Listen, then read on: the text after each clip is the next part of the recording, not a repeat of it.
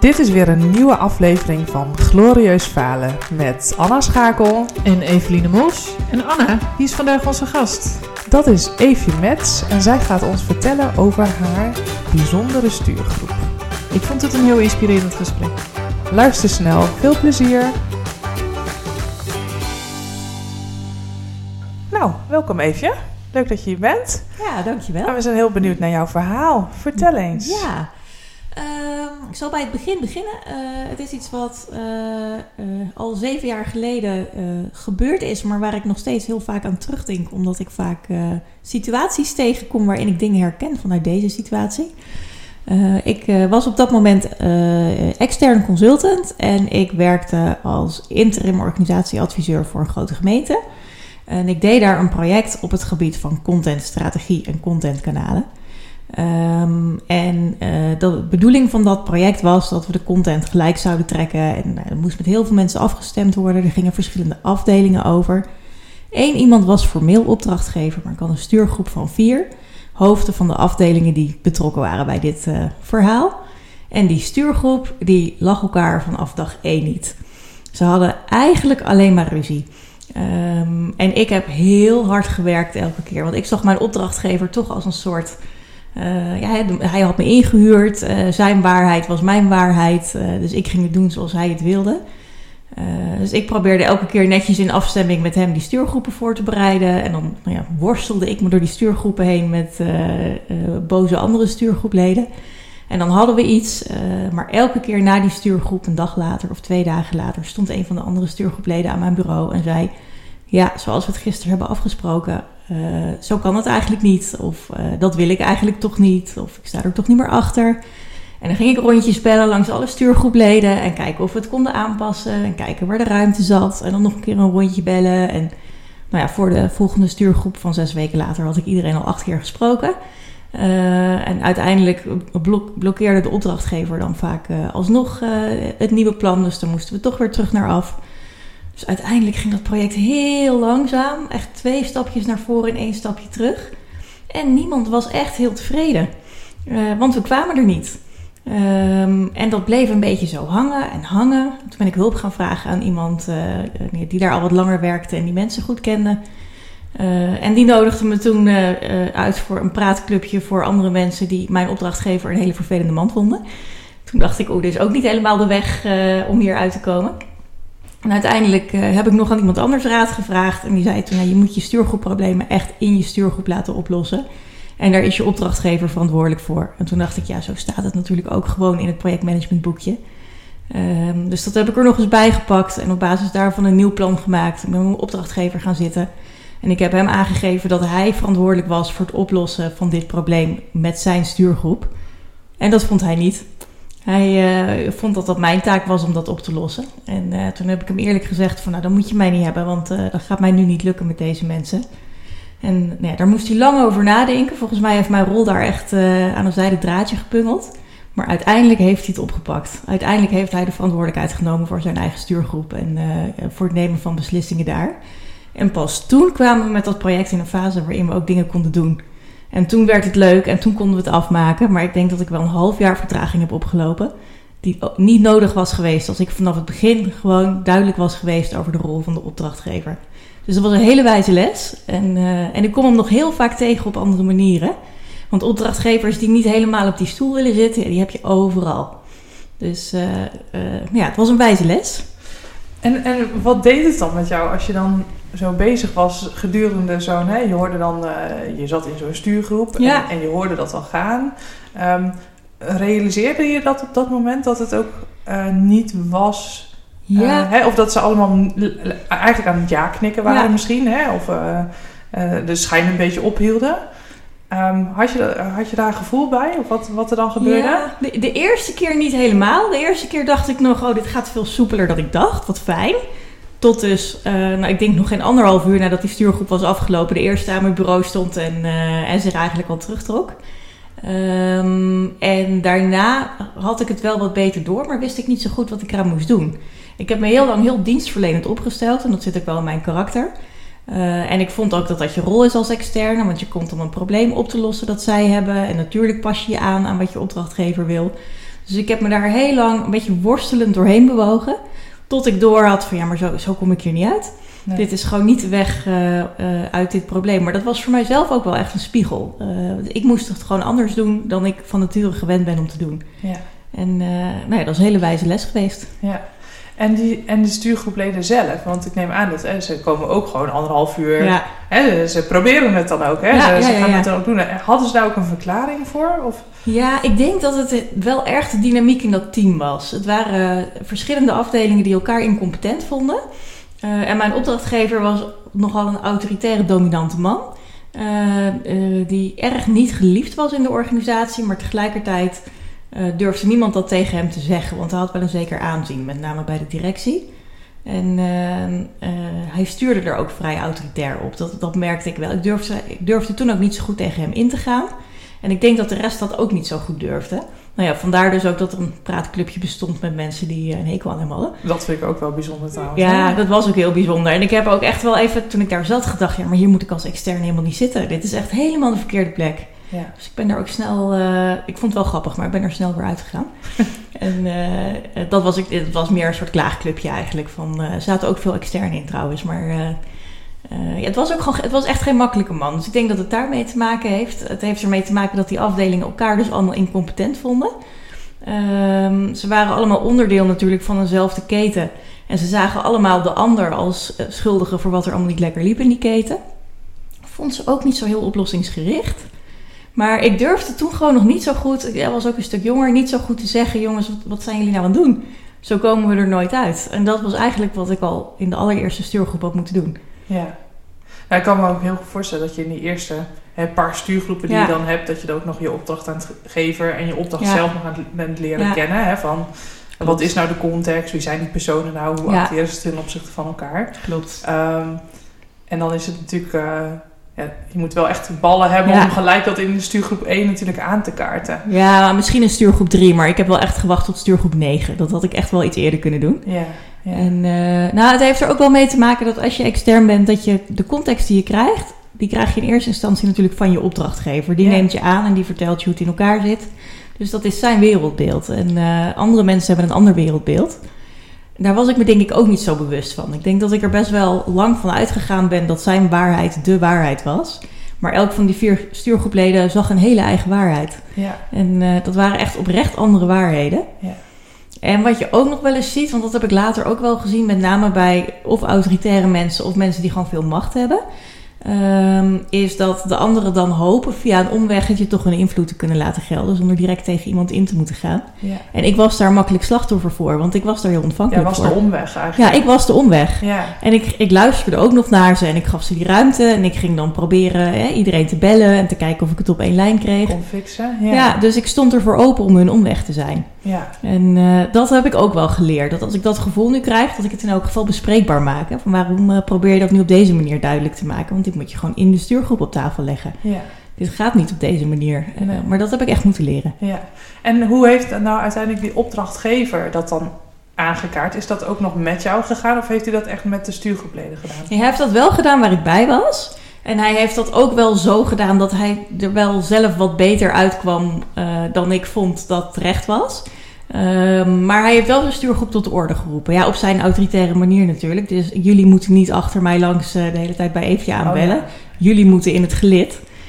En nou ja, ze hebben daarover niet heel veel tegen mij gezegd. Maar ik heb hem wel even geknepen omdat ik dacht... oh, nu zijn ze allemaal boos op mij. Omdat ik zeg maar achter hun rug geklikt heb. Ja, Uh, maar ik kon het toen ook wel beter uitleggen voor mezelf. Dat dat nodig was. Dat hij gewoon die stuurgroep uh, moest sturen. ja, Dat ik dat niet moest doen, maar dat hij dat moest doen. En dat ik er verantwoordelijk voor was dat alles uitgevoerd werd. ja, Dus ik ben ook even teruggegaan naar wat zijn nou eigenlijk de rollen van de opdrachtgever en de rollen van de projectleider. En wat staat er ook alweer in dat Prins 2 boekje. ja. En dat is soms toch ook wel heel nuttig.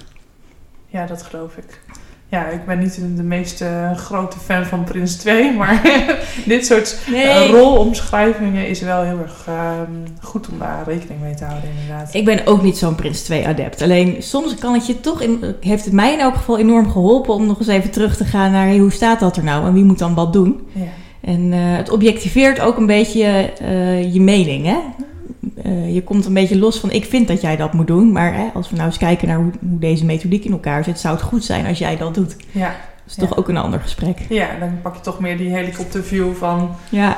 hoe, hoe zou het eigenlijk nou volgens de best practices ook uh, gewoon moeten werken. Ja, ja precies. En wat, de vraag die eronder lag was natuurlijk, ja, wat werkt er hier nou niet?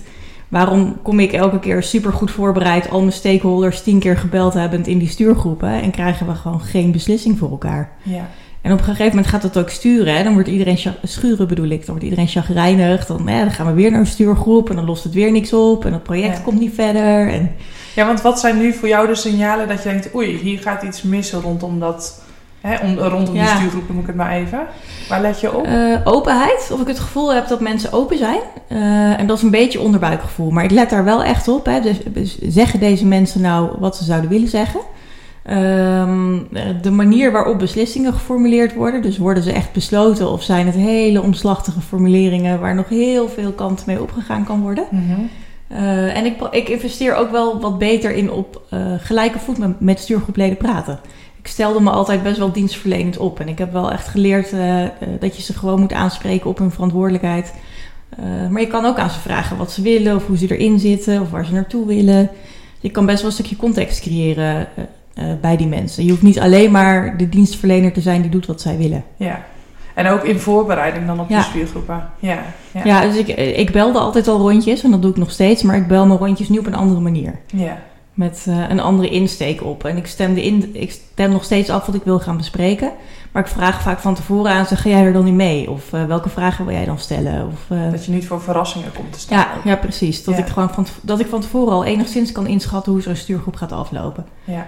En het ene stuurgroeplid is daar ontvankelijker voor dan het ander hoor. Je hebt erbij, ja, dat heb je altijd als je met mensen werkt. Met de een gaat het makkelijk, met de ander gaat het minder makkelijk. Maar het is wel een manier die mij geholpen heeft om, uh, nou ja, eigenlijk om opdrachtgevers wat meer op hun plek te zetten. Want opdrachtgevers zijn ook maar mensen. Ja. En uh, ze weten niet altijd wat ze doen.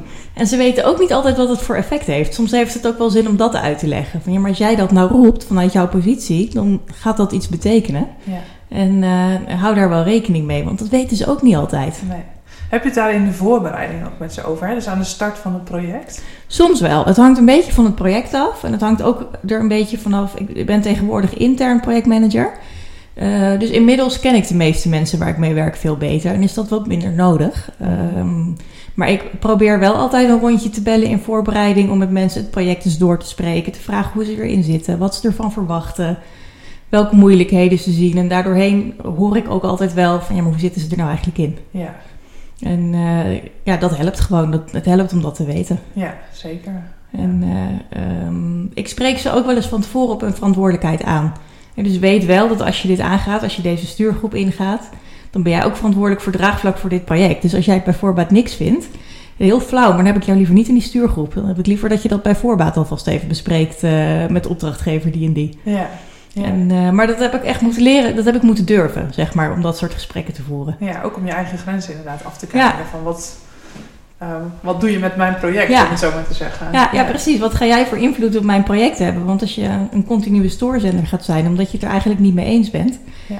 ja dan kan jij geen draagvlak creëren voor dit project. Dus dan ben jij gewoon niet de juiste persoon. Maar dat, uh, nou ja, nogmaals, dat heb ik dus echt moeten leren. En zeker als je extern bent en je kent de context niet uh, is dat moeilijker. Ik vind het nu makkelijker omdat ik mijn pappenheimers inmiddels uh, een beetje ken. Ja. En dat, uh, ja, dat maakt het tot op zekere hoogte een makkelijker speelveld. Ja, ja. Ja, mooie les ja, hè? Ja, nee, het is echt een mooie les. En ik, ja. nou, wat ik al zei, ik heb er nog bijna in elke nieuwe stuurgroep iets aan. Omdat ik toch elke keer weer even denk van... oh, maar nu moet ik even scherp zijn. Wie, uh, wie heb ik eigenlijk aan tafel uh, hier? Ja. En, ja, en ik vind ja. het ook mooi dat je daar ook uh, rekening mee houdt met, de, uh, met het samenstellen van je stuurgroep. Ja. He, want heel vaak is het heel erg logisch, oh, nou dan pakken we deze afdelingshoofden, want uh, die worden geraakt. Ja. Of he, die moeten er iets ja. van vinden, die moeten ermee gaan werken. Um, maar het zijn misschien niet per se altijd de juiste mensen voor in die stuurgroep. Nee, nee heel vaak zelfs niet. Heel vaak kun je ze beter als een soort van leidend voorwerp goed aan de hand houden en informeren. Ja. Uh, dan dat je ze in de stuurgroep zet. Maar nou ja, goed, dat zijn soms moeilijke gesprekken hoor. Want soms vinden ze het zelf ook heel belangrijk dat ze wel in die stuurgroep zitten. Zodat ze dingen kunnen tegenhouden. Ja. Dus dat, uh, nou ja, dat is uh, soms een dun koordje waar je over moet balanceren. Ja. En het gaat, de ene keer lukt het helemaal zoals ik wil en de andere keer niet. Maar toen ik nog extern was, was ik vaak niet betrokken bij het samenstellen van de stuurgroepen. Dus dat is ook wel iets makkelijker geworden nu, nu ik intern ben. Ja. En hoe, hoe, hoe werkt dat dan bij jou? Hè? Want er zitten veel uh, invloedssferen in. Hè? Ja. Dus um, ehm, stel je hebt je stuurgroep wel gewoon op orde. Ehm, hoe lopen dat soort. ehm, eh, hoe werk je met dat soort eh, krachten, zeg maar? Ja. Hè, dus de, de mensen die inderdaad invloed willen hebben, hoe ga je daarmee om? Ehm, ik probeer me er altijd bewust van te zijn. Dus ik teken ook altijd even een plaatje in het begin. Met eh, wie is nou wie, wie zit nou waar. eh, eh, hoe denk ik dat ze hun invloed gaan uitoefenen. Wat vinden ze belangrijk. De een vindt het belangrijk om altijd goed geïnformeerd te zijn. De andere is heel erg van het proces. Een derde is een beetje onvoorspelbaar. En dat is dus nu makkelijker omdat ik de mensen over het algemeen beter ken. Maar ik teken altijd een beetje een plaatje. En ik probeer ook uit te vinden wie elkaars allies zullen zijn en wie niet. Ja. En dan maak ik zo'n eh, ja, gewoon zo'n diagrammetje met poppetjes en lijntjes. En eh, niet heel mooi, maar werkt voor mij wel heel goed. En dat probeer ik ook af en toe bij te werken. Dus eens in de zoveel tijd grijp ik daar even op terug. En dan probeer ik te bedenken eh, of het nog klopt. En wat ik daarvan terugzie en wat ik dan zelf zou kunnen doen. Ja. Dus ik doe dat wel bewust. Dus eigenlijk gewoon je, je stakeholdersveld eigenlijk helemaal in kaart brengen. Ja, En niet op de manier van raak je, hè, van Nee, wie ga je nee, nou per se informeren of consulteren. Nee, nee, of, nou ja, hè, wie moet consult. Maar ehm het is meer een ehm, soort relatieanalyse. Wie Ja. praat nou met wie en eh, Ja, eh, wie vindt wie aardig? Eh, van wie weet je dat hij koffie drinkt met wie? En ja, dat zit hem soms in hele kleine dingen. Weet je, de rokers kennen elkaar vaak, ja, zeker. bijvoorbeeld. En ik vind dat nu lastiger trouwens, nu we alles op afstand doen. Ja. Dat je dat soort dingen wat minder ziet. Maar dat soort analyses probeer ik wel te maken. En wat ik ook nog wel vaak doe, is een tijdlijntje maken. Soms voor elk stuurgroeplid. Dus hè, hoe lang werkt hij hier? Wat zijn de projecten waar hij eerder bij betrokken is geweest? Eh, heb ik zicht op wat hij daarvan vindt? Eh, want dat bepaalt natuurlijk hoe iemand gaat kijken tegen zo'n project. Ja, zeker. Ja. Ja, ik, ik noem dat heel vaak. eh, ik kijk inderdaad, maak zo, inderdaad zo'n soort systeemanalyse. Ja, En van hoe werken die systemen ook ten opzichte van elkaar. Misschien met buitenaf er ook Ja. bij. Hè? Hoe, hoe werkt de buitenwereld ten opzichte van die Ja. Eh, om inderdaad gewoon al die dynamieken gewoon Ja, in elkaar te... Zo uitgebreid doe ik het niet altijd hoor, maar daar lijkt het inderdaad wel op. ja, Ja, dat klopt. ja, Ja, en, en, wel ja. een mooie manier. Ook om, dan, om daar dan juist voor jezelf positie in te bepalen. Ja, ja, dus waar ga jij dan zitten? Ja, En ehm, eh, waar moet je dan inderdaad nog wat werk verrichten, om Ja, het zo te ja, zeggen. en, precies. en, en waar weet je van dat die mensen al met je meegaan of niet? Ja, nou, ja, en welk gesprek moet je voeren? Want ook de mensen die met je meegaan, daar moet je wel mee in gesprek blijven. En eh, ook het juiste gesprek blijf- blijven voeren, want je kan ze ook kwijtraken. Zeker, ja. Dus eh, eh, nou ja, er, er zit altijd een hoop werk in. Ik ben denk ik meer dan de helft van mijn tijd kwijt aan eigenlijk aan stakeholder management. ja. Misschien nog wel meer. En de rest van de. Het is wel Ja, grappig dat je daarover nagedacht hebt hoeveel tijd je eraan besteedt. Heb jij daarover nagedacht, Evelien? Wat denk jij? Ehm, nou, ik vind het sowieso grappig om te merken, omdat in mijn stuurgroepen ook altijd politici zitten. Dus die kan ik niet altijd uitkiezen. Nee. Ehm, en inderdaad, ook als extern heb je niet voor het zeggen.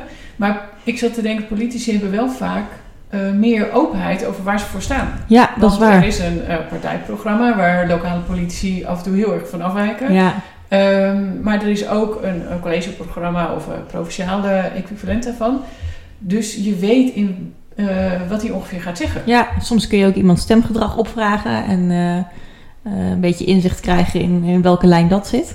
Ja, ja dus ik. ehm, ehm, en mijn stuurgroep voor het huidige project waar ik in werk bestaat uit acht verschillende politici. Ik weet allemaal van welke partij ze zijn. Maar ik heb inderdaad wel gekeken wie zit bij welke partij en wie kennen elkaar dus ook onderling. Ja, ja en hebben elkaar dan een week voor de stuurgroep gesproken op een partijbijeenkomst of zo. Dat soort dingen hou ik wel in de gaten. En ik Ja. ben me niet zo bewust van hoeveel tijd erin zit. Alleen wel nu we het er ook zo over hebben, dat ik denk, ja, dat doe ik geloof ik ook. Ja. Nee, ik vind het wel heel mooi om. ehm, eh, nee, ik, ik, ik denk dat stakeholders management als projectleider een van je belangrijkste Ja. taken is om te doen. En- inderdaad, het grootste gedeelte van je tijd dat je daar aan kwijt bent. Ehm, maar ik, wat ik wel mis is. Kijk, jij zegt ik maak plaatjes. Ja. En dat is gewoon de simpelste vorm om Ja. het gewoon voor jezelf in kaart te Ja, dat brengen. klopt. Ehm, maar ik mis het wel eens om daar bepaalde tools ook voor te hebben. Ja, Hè, dus gewoon een, een standaard nou ja, set aan eh, analyse dingen die je gewoon af kunt lopen. ja, Ik zit een beetje hard op te denken. eh, ja, wat je, daar, wat je daarvoor zou kunnen doen. Nou, dat was ook mijn vraag, want jij zei net, ik pak het boekje eh, Prins 2 erbij, omdat daar de rol van de opdrachtgever ook in staat. Toen dacht ik, ja, dat klopt. Maar staat het daar voldoende in? Ik heb het boek al lang niet opengeslagen, dat is misschien, zit misschien achter deze vraag. Maar, uh, maar ja. wel het ding zit, is echt opdrachtgeverschap, eh, het is ook niet per se gebonden aan Prins 2 natuurlijk, maar is het voldoende omschreven? Want er zijn zoveel opdrachtgevers die zoeken, en het is per project natuurlijk ook verschillende projectmanagers zoeken ook naar een rol. Nou, ik heb toevallig laatst, ik ben op onze afdeling ook verantwoordelijk voor de professionalisering van het projectmanagement. En toevallig laatst in een soort workshopje over opdrachtgeverschap verschillende definities naast elkaar gezet. En die lijken allemaal wel veel op elkaar.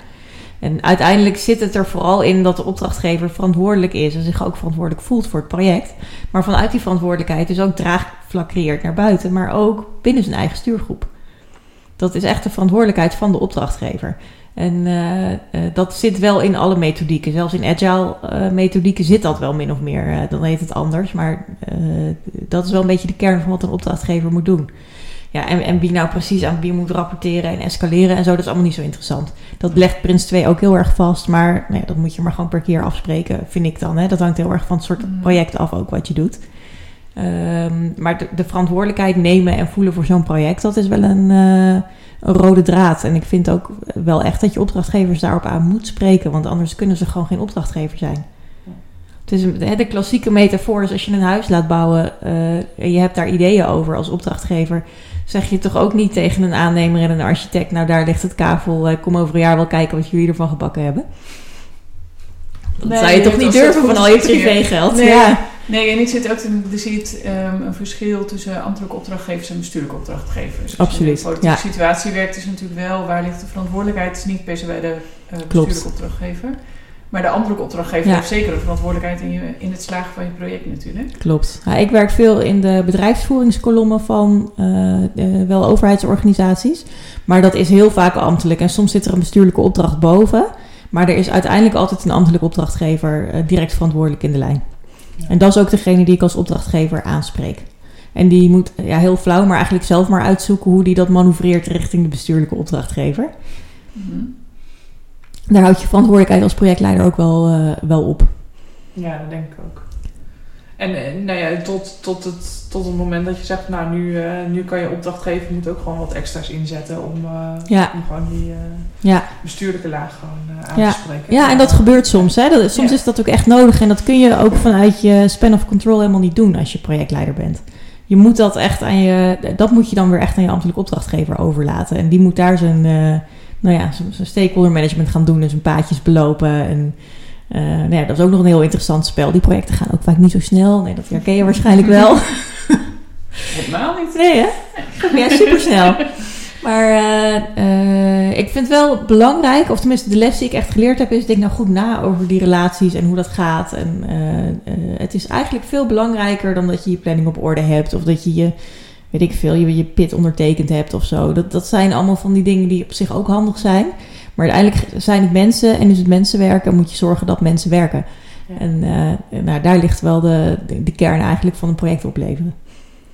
Ja, en wat jij ook zegt is dat het gaat om hoe motiveer je je project of je opdrachtgever ja. en hoe motiveert hij jou. Want dat ja. helpt niet als iemand boos zit in een stuurgroep of er gebeurt van als een motiveert. Nee, dat klopt. Dus daar gaat het natuurlijk ook over, maar ook hoe uh, werk je samen. Ja. En uh, samen richting de stuurgroep, maar ook andersom samen richting het projectteam. Ik kan me voorstellen dat als de stuurgroep niet goed functioneert, dat als projectmanager ook naar je projectteam zit. En ja, ja. dit is er vandaag besloten, maar het kan morgen anders zijn. Dus laten we vijf dagen wachten en dan pas weer gaan rennen. Um, ja. dat, ja, dat, klopt. Niet, dat werkt ook niet motiverend. En de meeste projectteams bestaan uit mensen die ook nog 10.000 andere dingen te doen hebben. Dus je bent al ja. bezig met die gunfactor kweken. En ja. dat is dan wel heel lastig voor je geweest ook. Uh, ja, in dat project viel dat grappig genoeg wel mee. Ik had een redelijk groot projectteam. Uh, en omdat het over content ging, uh, was de inhoud vrij concreet. Um, want uiteindelijk ging het erover dat via alle kanalen op dezelfde manier content verspreid zou worden en hoe dat dan moest. En die processen en die content zelf was voor al die communicatiemensen eigenlijk wel helder en concreet. Alleen uh, uh, het ging met name om de machtsbalans. Welke afdeling is nou verantwoordelijk waarvoor? Wie is baasje? Uh, wie mag ja of nee zeggen? Maar dat is ook interessant, dat je dus een slecht functionerende stuurgroep hebt en dat ja. je project daar inhoudelijk niet onder leidt. Het heeft er inhoudelijk wel onder geleden, maar wel veel minder, denk ik, dan als het ook nog eens een minder concreet onderwerp was ja. geweest. Dat maakt het ook wel interessant. Ja. Dan, om te kijken hoeveel invloed heeft de stuurgroep op zo'n project dan eigenlijk. Ja, nou ja, het grappige was, de doelstelling was eigenlijk heel helder. Hè? Alle, er zijn verschillende kanalen uh, om naar buiten te communiceren. En al die kanalen die moeten dezelfde woorden gebruiken, die moeten hetzelfde logo gebruiken, die moeten hetzelfde antwoord op een bepaald type vraag geven. Um, dus zo moeilijk was het eigenlijk helemaal niet. En dat was voor de uitvoerende mensen uh, best een goed in te vullen opdracht. Maar uh, het, het, ontwerp van de processen, hè, waar ook in zat wie dan waar baasje van was, ja, dat was een stuk lastiger. En die mensen waren ook veel moeilijker aangehaakt te houden. Dus op een gegeven moment begon dat scheef te lopen. Ook omdat alle contentmensen al lang klaar waren, maar die stuurgroep nog steeds aan het ruzie maken was. dus uh, dan, dan, moest ik iedereen tegenhouden. En uh, ja, ja, we hebben de processen nog niet. De inhoud wel, maar we hebben de processen nog niet. En het ging echt om afspreken ja, wie er eerst mocht als er iets besloten moest worden. Zo flauw was het. Ja. En wanneer had jij, wat was jouw eerste moment waarop jij dacht: oké, nu gaat alles mis, uh, ik faal of het project faalt? En wat voelde je toen? Um, ik dacht op een gegeven moment met name ik faal, ik krijg dit niet voor elkaar. Um, en dat vond ik natuurlijk heel vervelend. Dat, uh, dat waren wel de momenten dat ik in de auto naar huis zat, uh, dat, dat mijn gedachten daar nog twaalf keer overheen gingen en dat ik daar lekker chagrijnig van werd, zeg maar, dat soort dagen. Um, uh, maar ik zag het wel in eerste instantie echt als falen van mezelf. Uh, omdat ik het gevoel had dat ik met de blubber werkte. Echt al mijn energie ging naar die stuurgroep toe. Met name naar die stuurgroep. Uh, en tegelijkertijd kreeg ik daar helemaal geen vooruitgang in. Dus dat zag ik wel als iets wat ik in elk geval niet goed deed. En achteraf? Ja, dat zie ik nog steeds zo. Dat, uh, ik vind wel dat je als, als projectleider uh, daar verantwoordelijkheid voor draagt. Ja, dus ik zie dat nog steeds zo. Ik vind dat ik veel minder dienstverlenend had moeten zijn. En hen veel eerder op een, uh, op een rol had moeten wijzen, moeten wijzen. En eigenlijk op hun plek had moeten zetten. Ja.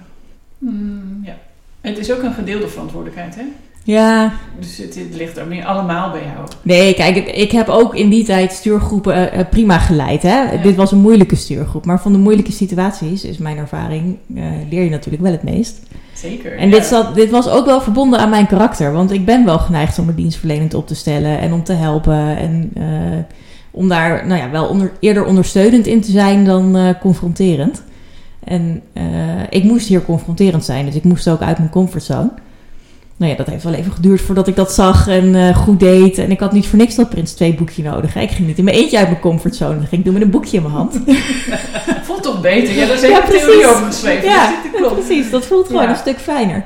En dat, heeft, en dat heeft mij ook echt geholpen om dat gesprek te voeren. Ik ben ook niet voor niks hulp gaan vragen, want uh, ik, ik, zag het gewoon even niet meer. Mm -hmm. En die hulp lag voor mij niet in dat klaagclubje, maar uh, uiteindelijk bij degene die zei, nou ga even terug naar de basis en probeer er op die manier uit te komen.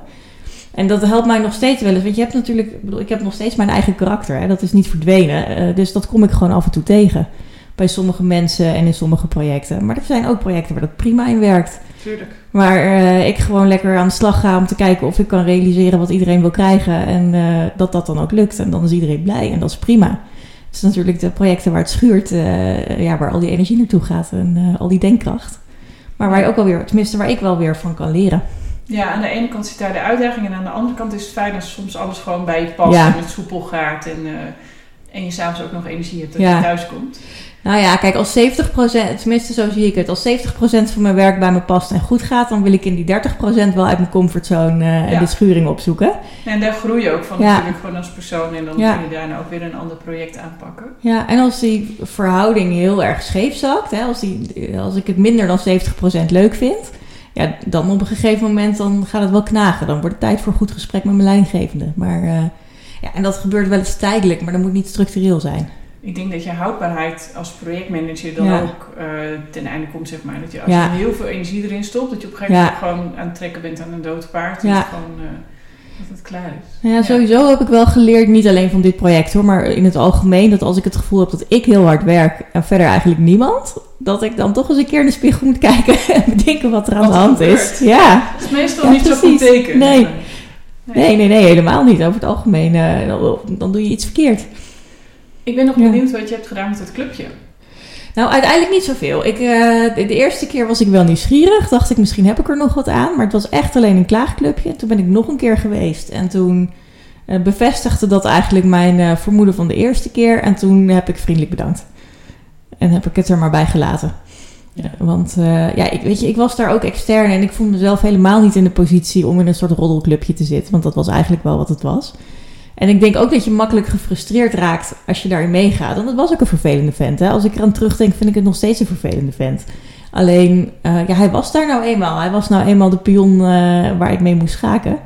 En dan vind ik het wel lekker om daarover te klagen bij vriendinnen of zo. Maar om dat nou professioneel te gaan zitten doen, nou ja, dat vind ik niet nee, zo netjes. Dat kan een paar keer, maar daar, Ja. moet je niet, eh, daar moet je geen gewoonte van maken, denk ik. Nee. Ik denk wel dat je altijd mensen nodig hebt in je project eh, die je kunt vertrouwen. Ja. Hè? Dus waar je wel, eh, als je tegen dit soort dingen aanloopt, Ja. dat je daar naartoe kunt gaan. Dan zeg je, hé, hey, je moet nou even horen wat me weer overkomt. Ja, nee, dat zeker. Ehm, en dat, dat zijn dus toch een paar vertrouwelingen Ja. vaak in het team. Of, of eigenlijk juist heel vaak voor mij eh, daarbuiten. ja, ja, dat Ehm, klopt. Die niet per se in mijn vriendinnengroep zitten, maar meer in de professionele Ja. sfeer.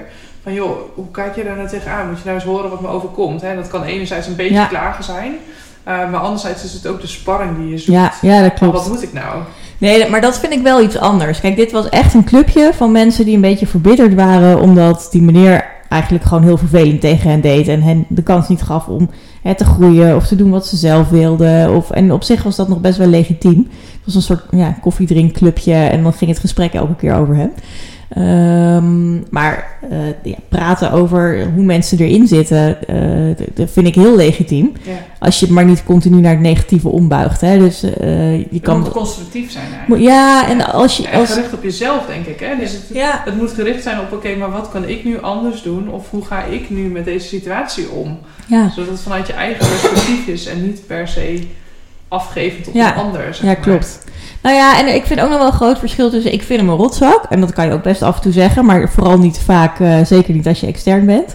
En ik heb last van zijn gedrag. Of ik snap zijn Precies. gedrag niet. Of eh, eh, ik heb het idee dat, eh, dat door zijn gedrag mijn project niet loopt.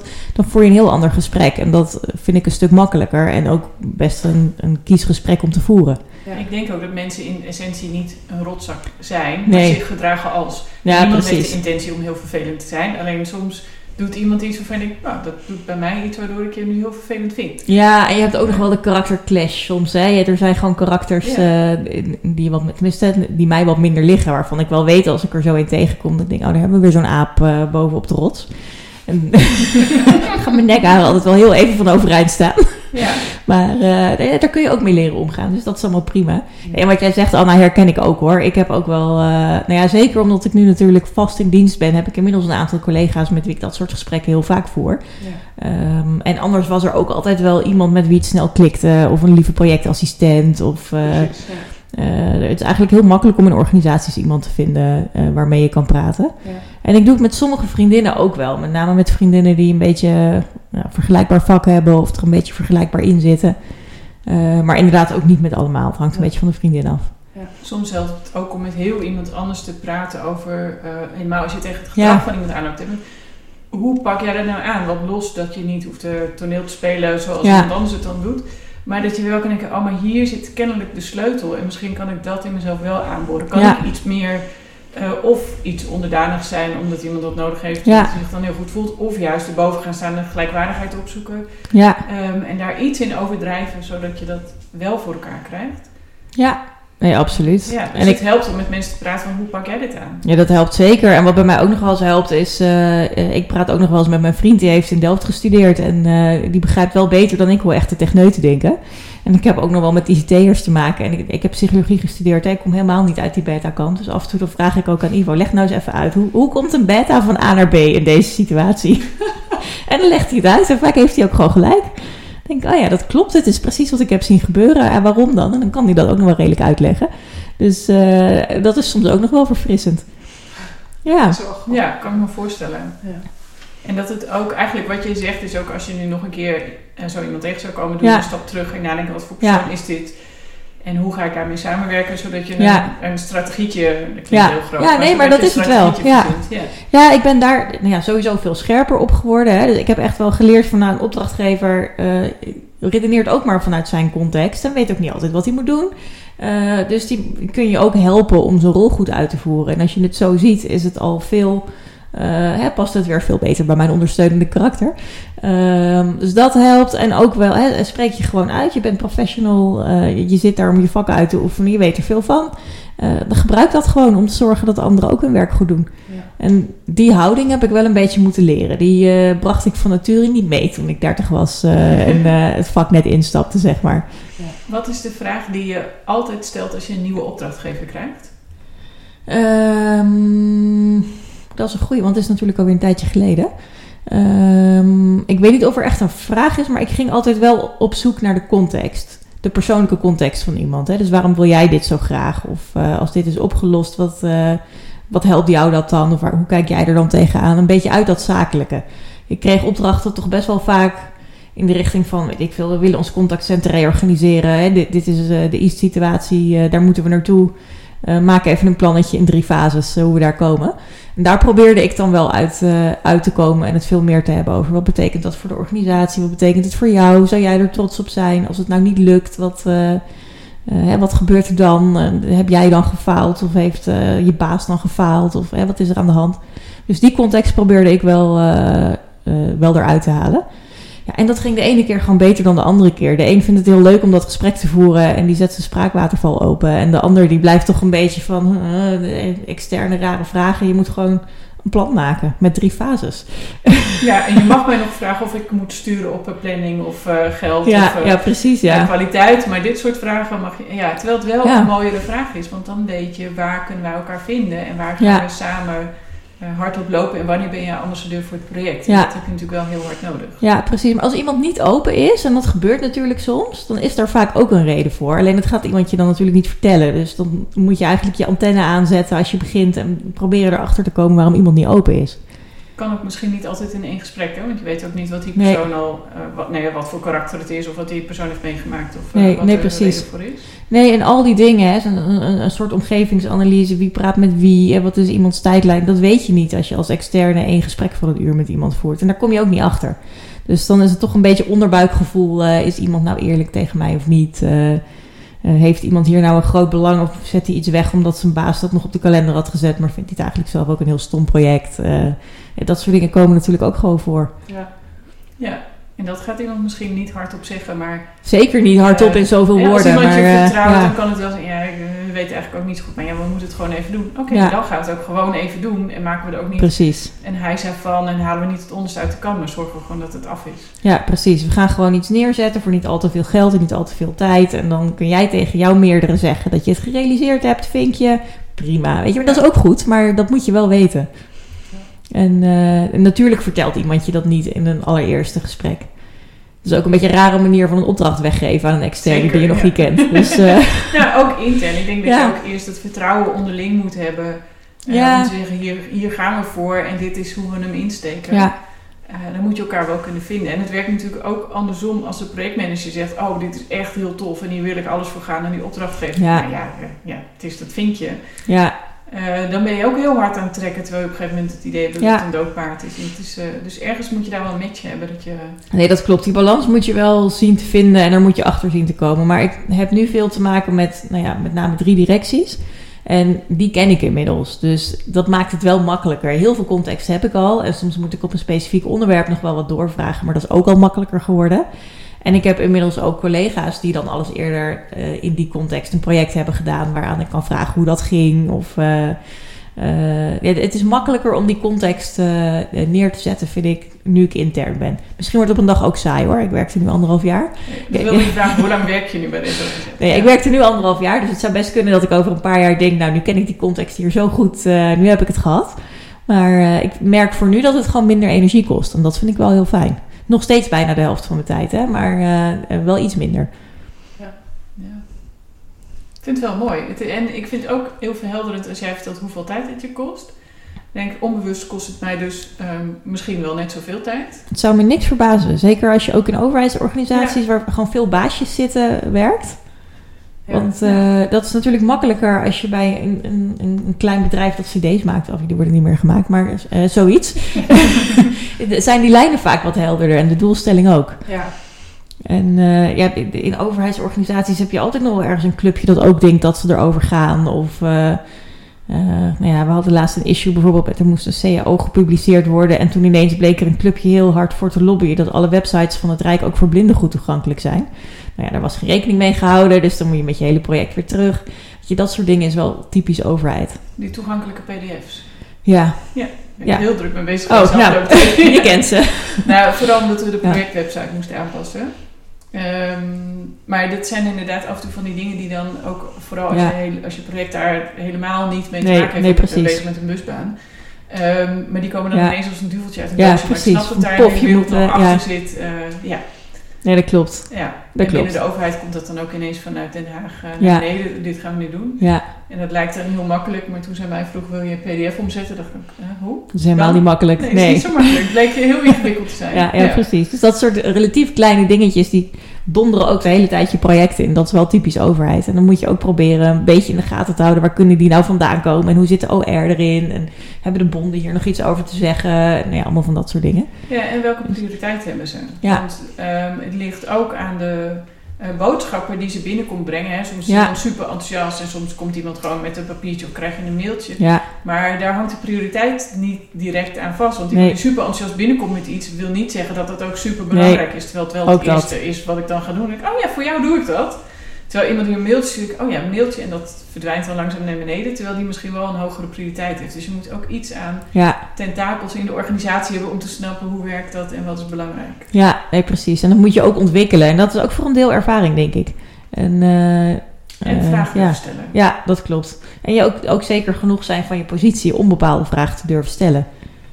Want af en toe, eh, nee, ik zeg het er ook wel eens bij. Van ja, ik stel wel even een hele domme vraag misschien. Maar straks geef jij een ander antwoord dan ik verwacht. En dan zitten we helemaal in de verkeerde hoek. Dus eh, ik stel hem toch maar even. Dan Mhm. moeten mensen altijd een beetje lachen. En dan heb je het ijs gebroken. En dan kan je nog eens een keer zo'n vraag stellen. Maar eh, het is wel belangrijk om dat te blijven doen. Ja, Ja. dat klopt.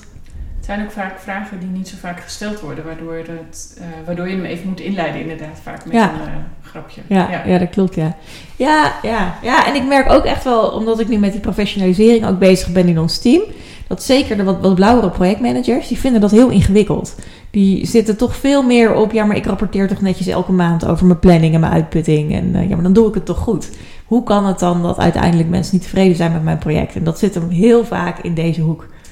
Zeker. Soms ook wel in veranderende belangen rondom zo'n project, zeker langlopende projecten, waar dan toch in één keer weer anders tegen aangekeken wordt. Hè? Nieuwe raad, nieuw kabinet eh, of gewoon een, bewindspersoon die gewisseld is, die in één keer weer andere prioriteiten gaat stellen, ook al was dat niet afgesproken. En eh, ja, dat gebeurt gewoon, dus daar moet je wel je oren voor open houden. En dat, eh, dat is best, dat is, nou ja, dat moet je echt leren, denk ik. Dat, is, dat kun je niet uit een boekje halen. Dat is ook gewoon een kwestie van een aantal keer met je neus tegen de lamp lopen, denk ik. Hoe kijk jij er dan tegenaan dat alle projectmanagement eh, strategieën en opleidingen gaan over methodes en niet over mensen? Ja, dat vind ik heel jammer. Maar goed, ik heb psychologie gestudeerd. Hè, dus ik heb altijd heel erg vanuit de mensen geredeneerd. Het past ook wel bij mij om dat zo te doen. Eh, maar ik vind dat absoluut een gemis. Ja.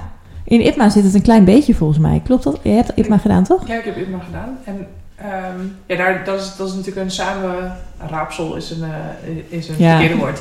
Maar het is natuurlijk het, de verzameling van de best practices. Ja. Dus daar zit het wel in. Maar heel veel van die competenties, het zijn er, ik weet niet eens, 34 of zo, misschien nog wel meer. Ja. Ehm, ja, de, de meeste gaan gewoon over eh, je projectplanning en hè, de, de blauwe dingen. Ja. Ehm, en ja, wij, nou ja, wij sowieso samen, wij geloven er helemaal niet in. En dus Nee. het- volgens mij ga je je project pas goed managen als je eh, aan het managen bent op die onderstroom. Ja, ja, en precies. niet, eh, en niet op, op, op wat zichtbaar is en op alle feiten misschien. Natuurlijk zijn die feiten heel belangrijk, maar het wordt pas een succes als je, eh, ehm, ja, als je meer mensgericht bent inderdaad. Ja, ja. nee, dat, ja, dat idee heb ik ook wel echt. En als ik kijk naar de cursussen waar ik het meest aan gehad heb, dan waren dat eigenlijk helemaal niet de projectmanagement cursussen, want daar kan je ook een boekje van lezen. Maar ik heb iets gedaan over ingewikkelde strategische situaties. En daar heb ik heel veel aan gehad. En dat ging inderdaad heel erg over wie praat met wie en wat zie je als je goed om je heen kijkt. Wat kun je al van een sfeer. eh, eh, dat kun je al zeggen over een organisatie als je er alleen maar een half uur doorheen loopt. Allemaal van dat soort dingen. Meer een beetje in de zweefhoek, maar dat was wel echt heel nuttig. Ja, het is wel grappig hè, dat Ja. we dat dus gelijk associëren met zweven, omdat het dan Ja, een je. soort van niet hard, hard is te maken of zo. Hè? Dus, Ja, Ehm, Het is niet tastbaar. het is niet tastbaar en het is, het is jouw waarheid natuurlijk. Het is jouw Ja. visie op hoe het, eh, Ja, hoe je, het ruilt en zeilt. ja, je kan verschillende interpretaties maken. En dat maakt dat het... wel- Het, het, is, het is geen natuurkunde waarin de steen altijd naar beneden valt. Maar goed, dat kan je in de psychologie ook. Hè? Dan maak je ook een analyse van een situatie. Maar die kun je ook anders uitleggen. Ja. Dus je moet het altijd toetsen. En daar zit natuurlijk de kern. Je moet altijd toetsen of jouw hypothese klopt. En dat moet je bij dit soort dingen ook. Ja, en dat is het gesprek wat je voert. Ja, dat is Met uiteindelijk Verschillende mensen. waar je het heel vaak over hebt. En waarom dus... eh, nee, ik merk... Hoeveel tijd ik besteed aan dingen merk ik nu heel goed natuurlijk. Omdat wij alles... eh, wij werken alleen nog maar vanuit huis. Dus we doen alles via WebEx heet dat. Dat is net zoiets als Zoom, maar dan eh, voor binnen het Rijk. En ik weet precies hoeveel tijd ik zit te WebExen. En hoeveel tijd ik andere dingen zit te doen. Ja. Nou, ik zit eindeloos te WebExen.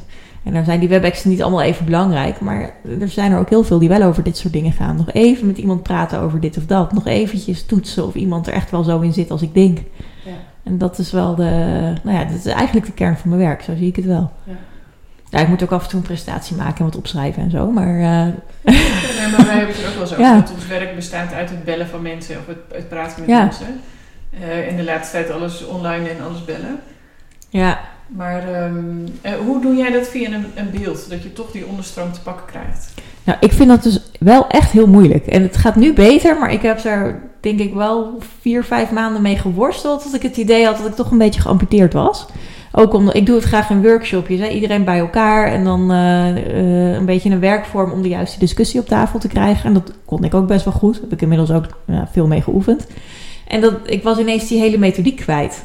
Dus ik voelde me echt wel heel onthand. En inmiddels probeer ik het eigenlijk net zo te doen als ik het daarvoor deed. Dus wel weer die workshops en dan wat strakker begeleiden, wat korter, eh, strakker de beurten weggeven, zelf meetypen in de PowerPoint. eh, eh, ook geen fancy Miro en zo meer. Ik typ gewoon alleen nog maar in PowerPoint, want dat gaat niet mis. Ik vind het zo irritant als halverwege alle aandacht naar de techniek gaat, omdat hij dan aan het uitvallen is. Ehm, en het, het, het gaat wel, zeg maar. Het begint wel beter te gaan. Ik vind het nog steeds minder prettig dan dat het in het echt ging. Maar je ziet toch ook wel dingen door die WebEx heen. Je ziet wel dingen in die cameraatjes. Je, je kan wel een beetje horen of mensen wel of niet zijn aangesloten. Eh, alleen ik moet er veel meer naar vragen. Dus ik ben veel meer de, de, de baas eigenlijk over de meetings. Ik speel een beetje de schooljuf af en toe. En Frank, wat vind jij ervan? Ik heb jou nog niet gehoord deze sessie, Paul. Zou jij er misschien ook iets over willen zeggen? Je echt op die manier? In het begin vond ik dat heel lastig. Maar eh, ja, het, het komt. Je kunt van alles leren, denk ik. Dus dit ook. Ja, daar gaan we toch naartoe, hè? Want de, Ja. de, de vorm, ik, ik geloof er niet meer in dat wij teruggaan naar, Nee. helemaal naar kantoor. Nee. Dus we gaan, en ik denk dat het zelfs nog complexer wordt, omdat we hybride vormen gaan krijgen waar de helft thuis zit en de helft wel op kantoor Ja. is. Ehm, nou, ik denk dat dat echt wel een uitdaging wordt.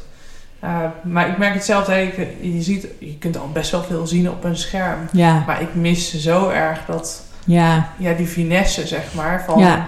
waar je intuïtie normaal gewoon echt haarscherp ziet van, oké, dit gaat niet goed of wel goed. Ja, ja, precies. Ja, dat mis ik af en toe echt wel. Dat ik denk, oké, ik heb dan inderdaad na die meeting... Oh, ik heb die persoon helemaal niet gehoord. Ja. Wat- nou, oké. Echt precies. ja. Nee, of, of nee, ik had laatst een bestuurder, die kende ik niet. Dat was een nieuwe bestuurder en ik, eh, nou, ik wist dat hij een plan had en, en wij een ander plan. Dus ik moest hem van iets overtuigen.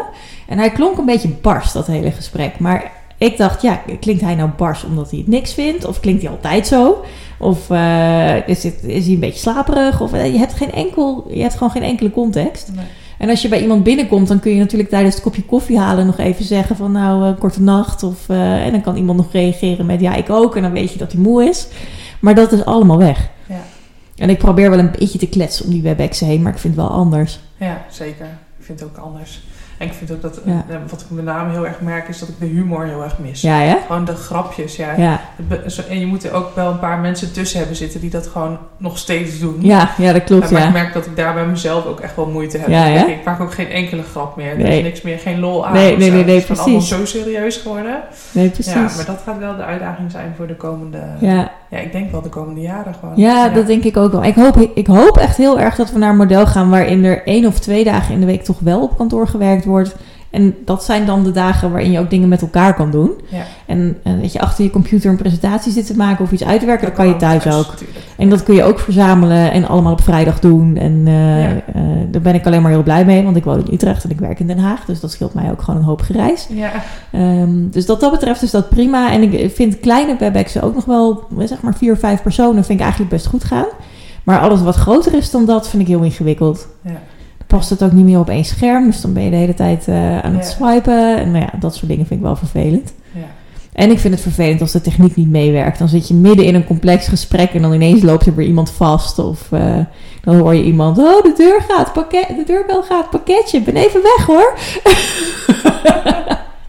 denk ja, oh, dat was, het ging net zo lekker, dan ben je weer weg. ja.